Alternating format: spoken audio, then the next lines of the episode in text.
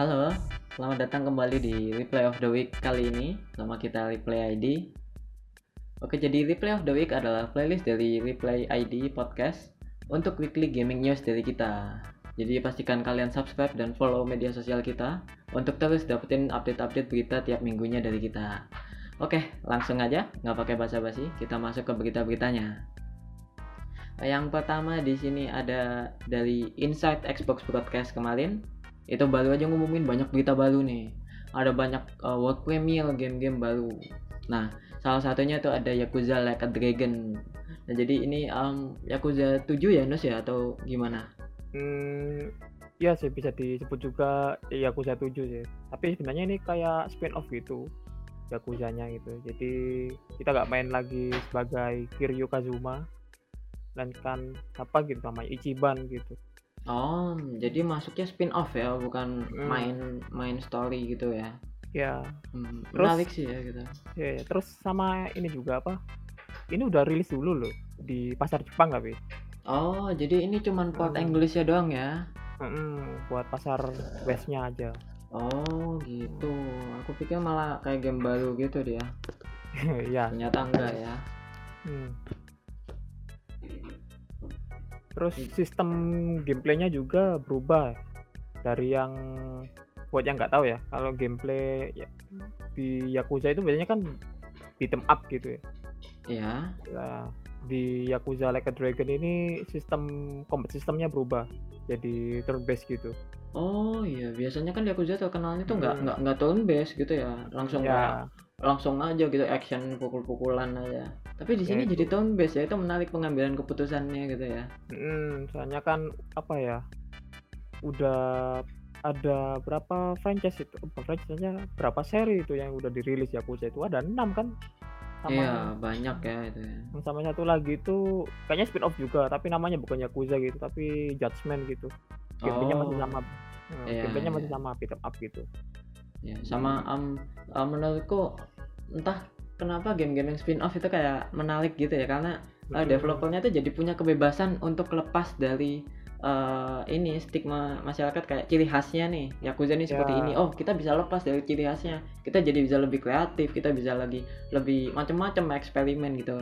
Uh, contohnya tuh kalau menurutku tuh kayak uh, Metal Gear Solid yang biasanya tuh Metal Gear series kan biasanya itu ya apa uh, stealth gitu ya ya Terus di Metal Gear yang Rising gitu ya, jadi spin off itu kan jadi Oh, keren ya. banget jadi hack and slash, jazz, jazz gitu keren banget actionnya ya beda gila. banget ya, ya beda banget cinematic Sama actionnya keren. Dan eh, memang itu bukan ciri khas Metal Gear, tapi itu jadi Hmm. eh, bagus kan gitu nggak bukan hal yang jelek gitu. Jadi makanya eh, spin off itu bi- bisa potensinya tinggi banget buat jadi game bagus sih menurutku. yang- ya tapi apa ya yang banyak sih kayak perspektif-perspektif dari apa ya peng- fans terutamanya fans Yakuza itu sendiri itu kayak agak banyak yang agak gak suka sama sistem turn based-nya itu karena itu identitas utamanya dari Yakuza itu sendiri sih. Ah, iya pastinya tuh jadi ada yang ngikutin Yakuza dari dulu tuh kayak dari dulu main suka sama ciri khas Yakuza Eh, terus begitu Yakuzanya berubah jadi nggak nggak ini nggak suka dia.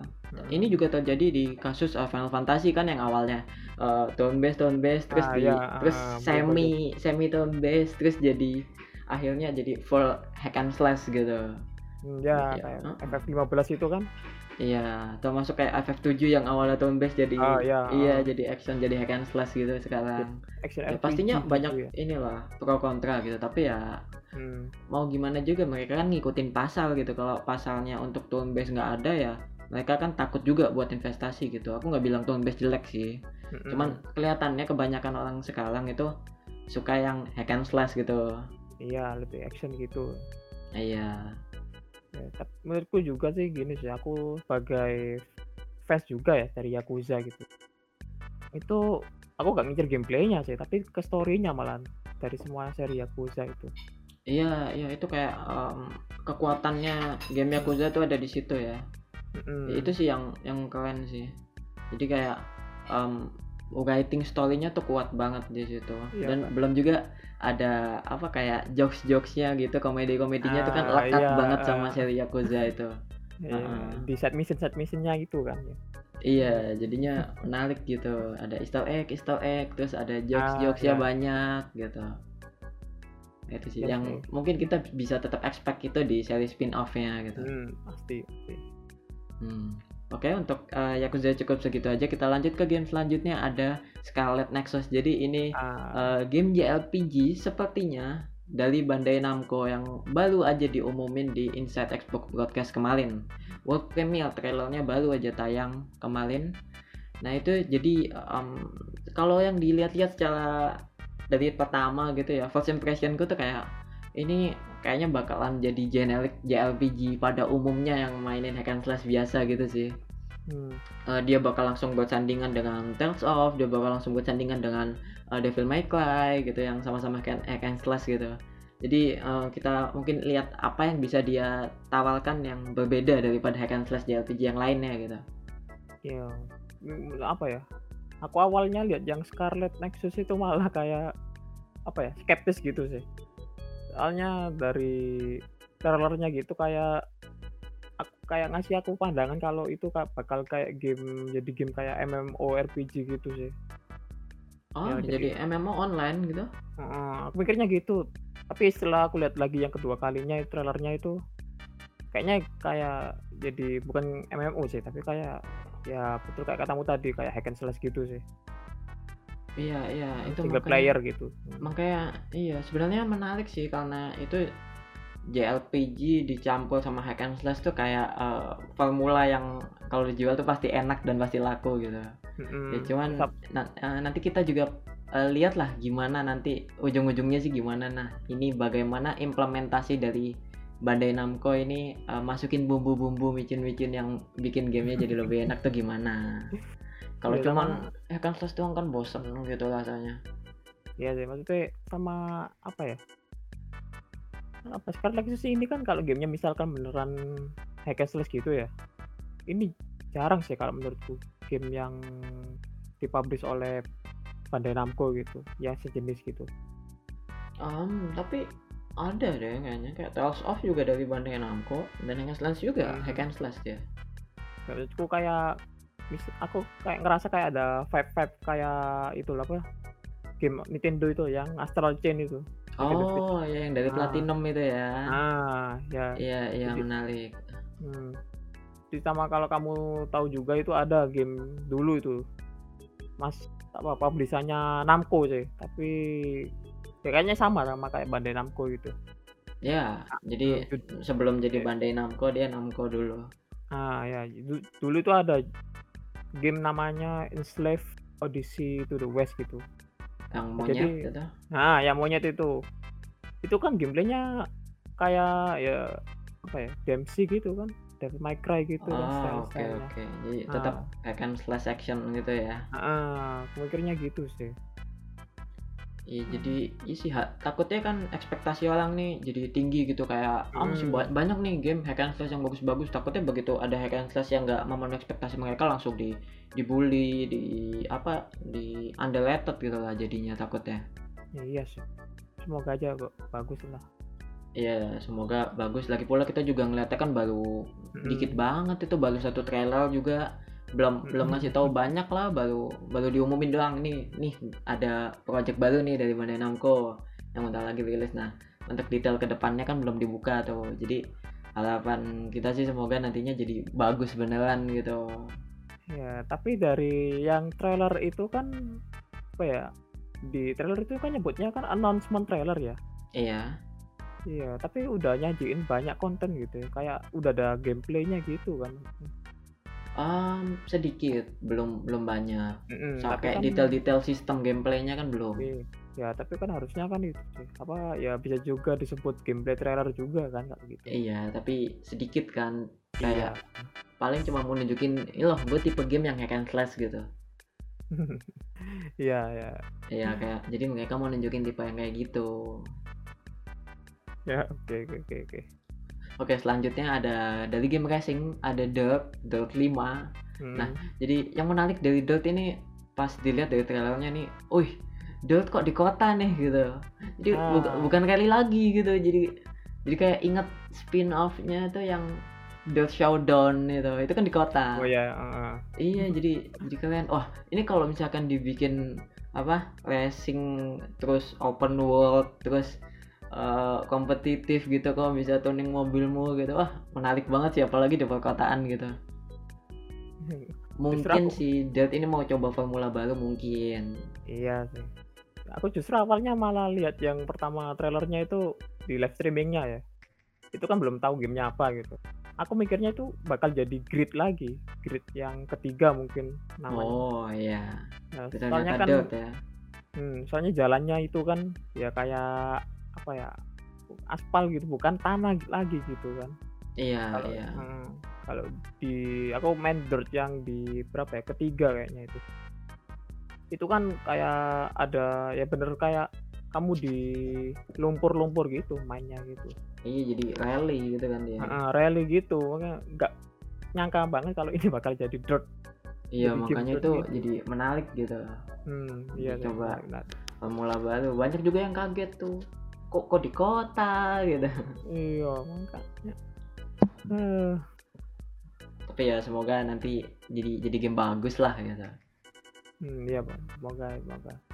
Jadi di apa ya next game di konten in- Inside Xbox Xbox atau Xbox Inside itu datang dari Assassin's Creed Valhalla yang dari kemarin minggu kemarin udah janjiin kalau bakal ada gameplay dari Assassin's Valhalla, Valhalla itu sendiri eh malah bikin kecewa banget.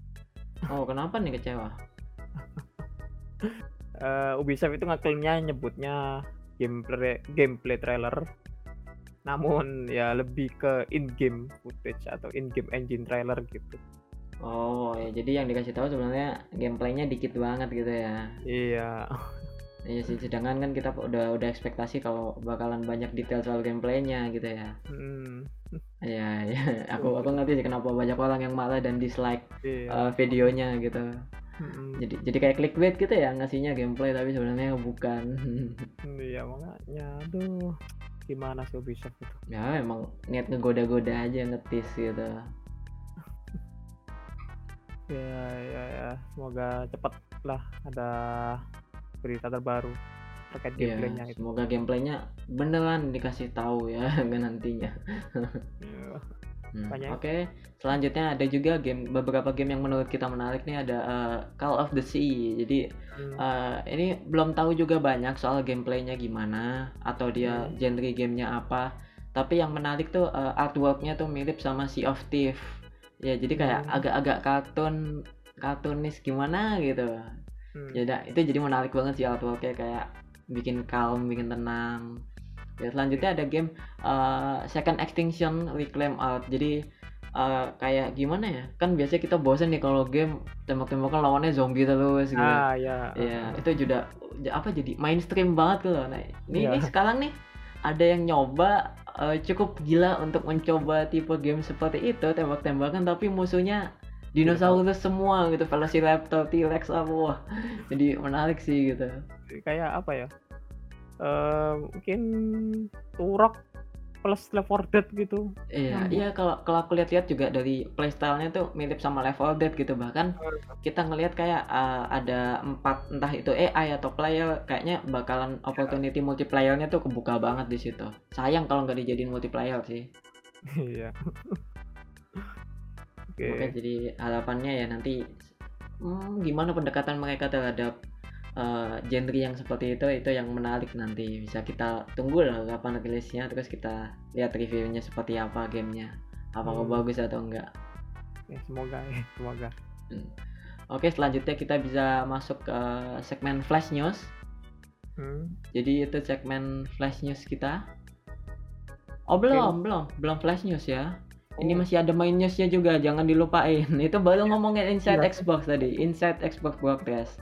iya, Ini iya, masih ada main newsnya kita masih punya banyak. Ada Cyberpunk 2077. Hmm. Ya ini yang wow hype banget gitu. ya pasti Jadi- masih sampai sekarang Iya, itu jadi banyak lah hype ya pada ditunggu-tunggu banget gitu. Nah, jadi yang menarik dari Cyberpunk 2077 ini eh, yang pertama dia bak- eh, ngasih statement nih, kita bakalan bak- buka banyak detail dari game ini pada bulan depan Juni tanggal 11 ya? Hmm, ya, ya, itu. Nanti ya Juni Juni 11 itu diumumin sama mereka bahwa bakalan ngasih detail banyak soal Cyberpunk 2077 bulan depan. Jadi kita tunggu aja seperti apa detail-detailnya. Semoga ada yang lebih banyak lagi daripada sekedar-sekedar trailer-trailer yang kemarin Hmm, iya nah sama ada ada berita lain juga nih bukan itu aja yang dari Cyberpunk hmm. jadi kalian bisa eh, customize eh, area area area genital mungkin gitu ya. ya ini ini unik unik gitu ya lu- lucu sih Iya. jadinya. Tapi ya ya iya. ini kan ini kan game FPS gitu ya. Emang Iya. bisa gitu. um, iya sih itu itu menarik sih poinnya. Aku nggak kepikiran itu game FPS tapi kamu bisa customize bagian badan yang nggak bisa kamu lihat Heeh. nggak atau mungkin bisa dilihat soalnya eh, ratingnya ratingnya kan 18 plus gitu ratingnya mature gitu Hmm. iya jadi mungkin apalagi kita tahu ini CD Projekt Red gitu yang di Ah, The Witcher aja sudah banyak scene-scene seperti itu apalagi di sini iya sih ya. Menarik menarik ini. Kemungkinan juga gak sih kalau ini bisa jadi game multiplayer juga? Um, hmm, seru sih pasti kalau jadi multiplayer. Hmm. Tapi entah gimana ya, bisa enggaknya atau lebih tepatnya bukan bisa enggaknya, mau enggaknya si Hmm. developernya ini bikin game ini jadi multiplayer. Nah, apalagi kalau misalkan kayak ngelihat ke Rockstar gitu yang bikin GTA Online itu, oh pendapatannya berapa itu? Itu nanti lah masuk ke berita kita selanjutnya itu soal pendapatan. Oh, Oke. Oke, jadi ya kita harap uh, Cyberpunk bakal ngasih detail yang banyak dan bagus-bagus nantinya. Terus sama terutama ngasih detail kejelasan apa ini maksudnya bisa customize ini. Ya biar Oke. apa ya? Biar gak sekedar gimmick yang cuma ada doang. iya, makanya itu entah itu jadi gimmick doang atau jadi fitur yang sangat berpengaruh ke gamenya kita nggak tahu. Hmm. Oke. Oke, selanjutnya ada berita uh, dari IE itu dia di tahun ini aja bukan tahun ini sih dalam setahun dalam 12 bulan ini ke belakang Hmm. itu dia meraup bisa dapetin keuntungan tuh 41 triliun rupiah hanya dari microtransaction mereka aja dan wow itu bukan bukan jumlah angka yang kecil gitu loh itu 41 Iya. triliun itu nolnya kalau kamu tulis panjang banget gitu itu kalau kalau dibeliin micin 41 triliun itu satu Indonesia goblok semua gitu Tapi gak terlepas dari itu ya. Apa dari yang berita negatif-negatif dari microtransaction yang ada di EA gitu.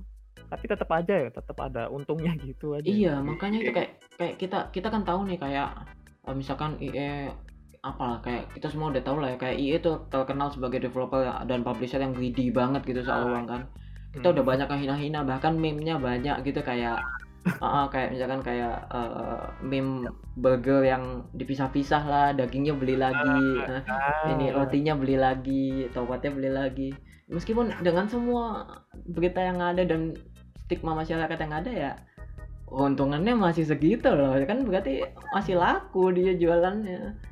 Jadi ya, jadi selama ada demandnya selama ada permintaannya hukum ekonominya kan begitu. Jadi selama ada permintaannya maka mereka pasti enak aja ngejual. Oh ini orang banyak yang beli. Banyak bil orang bilang ah nggak suka apaan tuh IE jelek gitu caranya greedy apa greedy bullshit. Nah tapi kalau kalau yang beli banyak ya dia nggak nggak peduli sama yang lain. Uang-uang mereka sendiri ya yang beli. iya justru lebih banyak yang suka sama yang nggak suka gitu loh.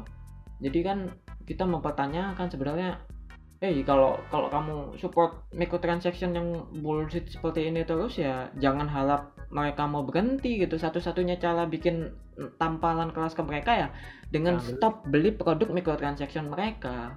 Hmm. Ih, jadi mereka nggak nggak nggak begitu nggak keluarin microtransaction yang ngeselin gitu yang gamenya dipotong-potong terus dijual lagi Ah iya sih kurang ajar ya Iya. banget itu. terus apalagi juga sekarang kan gacha-gacha itu jadi juga parah wah nggak nggak heran sih kalau jadi banyak game yang menjamal yang jadi microtransactionnya juga jadi diandalin gitu malah Hmm. jadi fitur utamanya bukan jadi eh, jadi apa ya jadi tambahan jadi toppingnya gitu Iya sih dari fitur microtransaction sendiri juga ya dari yang pengalamanku itu yang main Assassin's Creed Origin itu Uplay itu atau Ubisoft itu. Itu microtransactionnya sih fungsinya ya buat itu sih kayak time saver doang. Kayak kamu misal ya nggak bikin bis apa ya justru kayak mengurangi experience mau kamu bermain sih ah iya sih. Kalau kalau di game single player sebenarnya nggak nggak terlalu bermasalah ya. Yang jadi masalah besar itu kalau dibawa ke multiplayer itu jadi Ah, pay to win. Ah iya. Ah, betul, itu kan biasanya banyak MMO kita yang begitu itu aduh nggak enak banget kalau udah pay to win lah kayak nggak nafsu main gitu. Hmm, ya sih bener. Kayak itu kan. Shit. iya oke jadi kita masuk ke segmen flash news. Flash news beneran nih sekarang masuk segmennya beneran. Nggak kayak tadi. Eh, jadi eh, for your information nih kita eh, lagi coba format replay of the week baru. Jadi eh, bakalan ada main news dan flash news. Nah jadi Hmm, untuk flash newsnya silahkan Yunus disikat hmm, oke. Jadi di flash news yang pertama ini datang dari Prince of Persia. Jadi eh ada domain baru itu. Ubisoft nyantumin kalau bakal ada Oh. game Persia yang baru itu. Hmm, iya yang Terus menarik ter- sih. Terlepas dari itu sempat ada rumor juga yang berupa gameplay footage itu dari game Prince of Persia yang judulnya Prince of, Prince of Persia Redemption itu game game apa ya itu footage-nya tahun 2012 ya sekitar 8 tahun Iya. yang lalu Iya mungkin kayak uh, project yang di cancel mungkin gitu ya terus mau dilanjutin lagi gitu atau Iya. gimana mungkin nggak tahu sih. ya mungkin mungkin Eh, Kami. tapi tapi dengan adanya uh, pendaftaran domain sama uh, sama siapa tadi Ubisoft ya? langsung hmm, Ubisoft sendiri Iya. Nah jadi itu kita bisa nge-expect uh, bakalan ada seri baru dari itu. iya sih udah apa ya, terakhir itu yang Forgotten of Persia Forgotten Sands terus habis Nah. itu habis lanjut lagi dilanjutin ke seri Assassin's Creed ya which is terlalu boring kalau terus-terusan Assassin's Creed melulu Iya, aku aku juga mikirnya kayak ah, ini bakalan clash nggak nih sama seri Assassin-nya gitu. Soalnya kan sama-sama tipe assassin gitu ya. I- iya tapi gameplaynya beda sih Iya, makanya pasti ada perbedaan itu makanya ada dua seri mereka. ya terus kedua apa ke flash news kedua ya jadi datang dari Doom developer Doom itu Eternal Doom Eternal masih samanya ID Software itu eh, resmi putus kerjasamanya sama dengan Mick Gordon Mick Gordon itu komposernya apa Doom Oh, Musik- jadi yang bikin soundtrack soundtracknya ya. Ah, ya. Terus yang Mm-mm. seperti pendengar tahu mungkin kayak meme-meme Doom itu yang rip and tear gitu. Nah, itu yang bikin atau artisnya itu Jamie Gordon itu. Oh, dan jadi sekarang malah putus kerja sama. Mm-mm. Waduh, jadi untuk Doom ke depannya eh, kemungkinan besar nggak ada campur tangan musik-musik dari Mick Gordon lagi ya. Iya. Terus yang ke flash news ketiga itu datang dari mod multiplayer Sekiro. Jadi Sekiro kan seperti yang kita tahu itu kan game single player ya. Iya, Beda banget sama yang apa itu? Dark Souls itu. iya. Itu ada modder itu yang nyuntikin mod yang bisa bikin multiplayer gitu. Jadi apa ya? Konsep multiplayer itu kan perlu server gitu ya. Iya, betul. Nah, jadi di apa ya? Sang modder itu bikin sendiri kayaknya servernya itu. Iya, makanya itu menarik gitu. Mungkin entah gimana kerjanya, entah mereka buka donasi untuk servernya atau gimana gitu ya. Nah, tapi Iya. menurutku dengan s- dengan Sekiro ini jadi multiplayer itu kayak membuka banyak opportunity, membuka banyak eh, kesempatan-kesempatan gameplay-gameplay yang keren gitu. Yang seperti yang kita tahu kan eh, hitbox dari eh, Sekiro itu kan sangat precise gitu ya, sangat akurat gitu ya. Bahkan Ah, iya. kalau dia nebas ke kakimu, kamu lagi lompat ya nggak kena gitu. Jadi sedetail itu hitboxnya itu. Nah jadi sedangkan itu itu kalau misalkan dipakai untuk PvP kompetitif gitu menarik banget sih. Cuman yang aku takutin tuh kan gamenya dibuat buat single player ya. Hmm, Kalau dan pastinya skill-skillnya didesain itu untuk uh, single player. Kalau Hmm. kalau untuk ke multiplayer pastinya perlu ada adjustment lagi, perlu ada rebalance lagi untuk biar nggak siapa tahu ada satu skill yang sakit banget bisa one hit KO atau gimana gitu. Nah, iya sih. Tapi apa ya? Tapi tetap aja adjustmentnya bukan dari yang resmi juga sih ini, dari moddernya malah. Iya, makanya itu uh, entah mungkin kan mereka pasti ada. Kalau misalkan memang mau jangka panjang ya, maksudnya mau modelnya ini komitmen jangka panjang untuk Hmm, ngebentuk multiplayer ya. Uh, mungkin dia bisa nerima masukan-masukan dari playernya. Oh ini nih, ini ini kurang ini, kurang ini, ini harusnya kayak gini. Oh mungkin bisa bisa jadi lebih bagus kan gitu. Tapi aku takutnya kayak itu sih kayak uh, copyrightnya itu sih. Entah nanti developernya nih malah enggak gitu kalau ngeliat kayak gitu. Semoga aja enggak sih. Iya, atau atau mungkin malah tambah di support gitu, entah siapa tahu. Ya, Mm-mm. Oke, Tapi- selanjutnya uh, apa? Masih ada yang mau diomongin dari Sekiro? hmm, apa mungkin sedikit doang sih. Jadi sistem yang multiplayernya ini sama kayak di Dark Souls gitu. Jadi perlu item gitu buat Oh, iya sih Dark Souls ada multiplayernya ya. buat server apa buat masuk ke server orang gitu atau gamenya orang. Oh, iya Jadi iya. istilahnya itu invade gitu. Jadi kamu Invade. Heeh, invade nyerang player lain. Oh, iya gitu. iya iya. Hmm. Mm-mm, itu juga keren ya game Souls gitu ada PvP-nya. Jadi Ya, jadi kita masuk ke kita selanjutnya ya. hmm. Oke, jadi kita selanjutnya nih ada rumor dari Mass Effect nih. Katanya Oh. nih, kabarnya nih Mass Effect itu bakalan dibikin remasternya dan nggak cuma satu, katanya tiga-tiganya triloginya bakalan dibikin remaster. Wow, kayak kita tahu kan kayak apa eh, reputasi Mass Effect itu udah bagus gitu di mata para eh, gamer gitu. Jadi kalau misalkan di remaster gitu, jadi keren banget sih gitu. ya apa yang apa ya? Eh, Mass Effect Trilogy itu kentalnya sama yang karakter utamanya itu ya, eh, Commander She- Shepard gitu.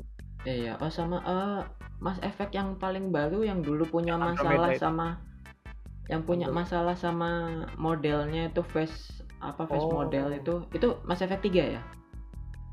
Oh enggak, Andromeda, bukan Andromeda. kan? Oh Andromeda ya. Jadi eh, ini jadi sebelum Andromeda ya. Ya, sebelum Andromeda ini. Oh oke, jadi itu di remaster ya. Makanya aku juga agak kaget. Ini game baru keluar dengan Andromeda kok mau di remaster lagi gitu. Enggak, tuh. Dulu ada 1 2 3 kok. Asal bisa 2 Ya makanya jadi uh, semoga nanti gamenya bisa bagus, bisa bening-bening lah teksturnya jadi di-upgrade lagi, musiknya lebih bagus lagi, resolusinya dan ya semoga jadi worth it lah gitu. Iya, cuma apa ya? Aku justru aspeknya ke yang ke satu, Mass Effect ke satu sih. Hanya aku main nggak tahu katanya orang-orang bisa dimatiin sih, kayak film grainnya gitu. Oh iya, jadi pada nggak suka sama film Grand-nya gitu. Hmm, jadi semoga aja di remasternya di fix betul. Semoga. Oh oke oke, ya kan juga udah game lama kan udah pasti mereka nerima banyak saran dan kritik gitu, siapa tahu bisa jadi pertimbangan juga, harusnya harusnya. Iya. Hmm, Oke, selanjutnya ada berita dari Tokyo Game Show 2020 itu dibatalkan. Jadi nggak ada event offline-nya, tapi jangan sedih dulu, masih ada katanya eventnya Ghost to Digital. Jadi eventnya bakalan digital entah formatnya seperti live stream atau gimana, kayaknya sih live stream ya. Iya, jadi kita tetap bisa expect game-game yang rilis nih, terutama JRPG JRPG atau Ah. game-game dari developer. Jepang. Iya, itu jadi harapannya nggak tertunda pengumumannya. Iya, nah, terutama sama game yang apa itu dari From Software itu Elder Ring itu, Elden Ring atau Elden Ring itu Oh iya, kamu nunggu banget ya itu ya. sangat itu. Iya ya, kita kita bisa boleh berharap lah siapa tahu di Tokyo Game Show ini dikasih tahu detailnya. ya semoga semoga semoga. Mm, Jadi cukup sedih juga sih, makin banyak ya dari minggu-minggu kemarin juga kita udah sampein banyak berita event yang di cancel gitu iya Iya, ya semoga cepat selesai lah ya pandemi ini, amin. Amin. Oke, berita terakhir kita ada dari Kapten Subasa. Itu ternyata dia punya game. baru Iya, entah mungkin di di konsol-konsol sebelumnya mungkin ada game. Aku aku nggak terlalu perhatiin sih, tapi yang game jelas mobile game mobile Iya, yang jelas Subasa punya game baru yang bakalan rilis di 2020 namanya Captain Subasa Rise of the New Champion. Wah, jadi entah mungkin kan tendangannya ikonik banget gitu ya. Iya, Ya, jadi jadi kayak inget sama Shaolin Soccer gitu dulu. pokoknya yang apa fans beratnya FIFA sama PES jangan ngarep gamenya sama ya Oh ya, ya pasti beda banget dong kan. Kalau itu kan game sport gitu. Kalau ini kan game sport anim gitu. Kalau kalau di apa di FIFA atau di PES entar ada yang tendangannya macam-macam salto-salto kan lucu juga. Eh, tendangan harimau gitu Iya. itu sama inget apa ya agak nostalgia juga sama game itu sih yang baru itu hanya ngingetin lagi ke game PS2 nya yang Captain Subasa itu Iya, itu. itu pernah main ading pernah main Enggak, juga aku aku nyentuh game bola itu paling Winning Eleven, PES, FIFA, sama game apa tuh yang kayak Super Soccer atau Shaolin Soccer dulu di PS1. oh, PS1 itu oh, Iya, ya. itu aja sih nggak nggak pernah nyentuh Iya, Subasa.